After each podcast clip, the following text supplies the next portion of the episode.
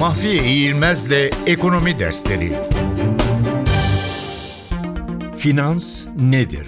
Finans, ihtiyaç duyulan kaynakların uygun koşullarla sağlanması ve etkin bir şekilde kullanılması ile ilgili faaliyetlere verilen genel addır. Finansı şöyle de tanımlayabiliriz. Kişilerin veya kurumların maddi gelir elde etmeleri, yatırım yapmaları ve zaman içinde bu yatırımları değerlendirmelerine finans denir. Bu faaliyetlere ilişkin disiplinin adı da finans bilimidir.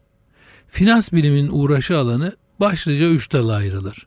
Bireysel finans bir kişinin ya da ailenin bütçe, sigorta, tasarruf, yatırım, kredi, tüketim harcamaları gibi konularda alacakları ve uygulayacakları kararlarla ilgilenir. Kişinin ya da ailenin ellerindeki sınırlı kaynaklarla en doğru kararları almasını ve onları belirsizlik ve risklerden korumasını sağlamayı amaçlar. İşletme finansı ya da finansal yönetimin amacı bir işletmenin aktiviteleri için fon sağlamaktır.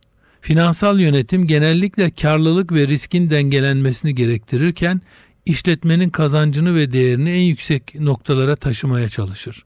Kamu finansmanı devlet ve kamu kuruluşlarının ihtiyaçlarını karşılamak üzere yapılan harcamaları ve elde edilen gelirleri inceler ve bunları dengelemeye çalışır.